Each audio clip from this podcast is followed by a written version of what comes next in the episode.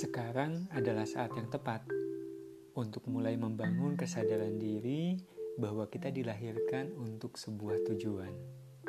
Tapi, sudahkah kita tahu tujuan itu? Ya, tujuannya nggak jauh-jauh amat juga nggak apa-apa sih. Bisa punya cita-cita satu dua tahun ke depan aja, itu udah jadi langkah kecil bertampak besar loh semacam sebuah langkah awal tujuan akhir. Yuk, kita melangkah tipis-tipis. Anggap aja langkah itu sebagai pengganti langkah liburan akhir tahun yang batal gara-gara pandemi.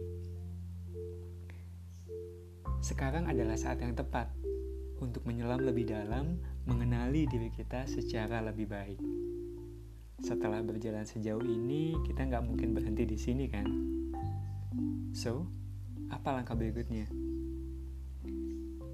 Sekarang adalah saat yang tepat untuk mulai bikin rencana kecil di sudut ruangan bernama self-improvement.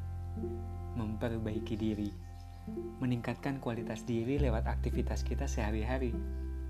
Mulai dari cara mengelola sudut pandang, misalnya dengan selalu bilang bahwa aktivitas kita dalam bekerja adalah ibadah. Atau mengelola emosi, Misalnya lewat berkebun yang mungkin jadi emotional healing buat kita. Atau lewat mengelola jasmani.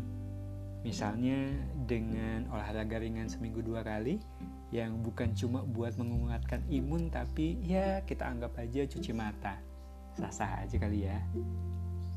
Atau mengelola komunikasi.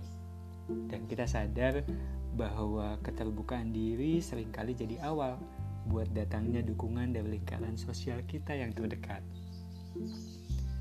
Atau melalui bagaimana cara kita mengelola ketaatan kepada Sang Pencipta, mengubahnya dari sekadar penggugur kewajiban menjadi pengisi relung-relung jiwa.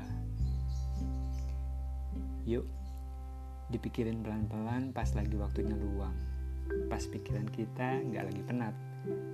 Ternyata hal-hal kecil dalam keseharian punya banyak manfaat.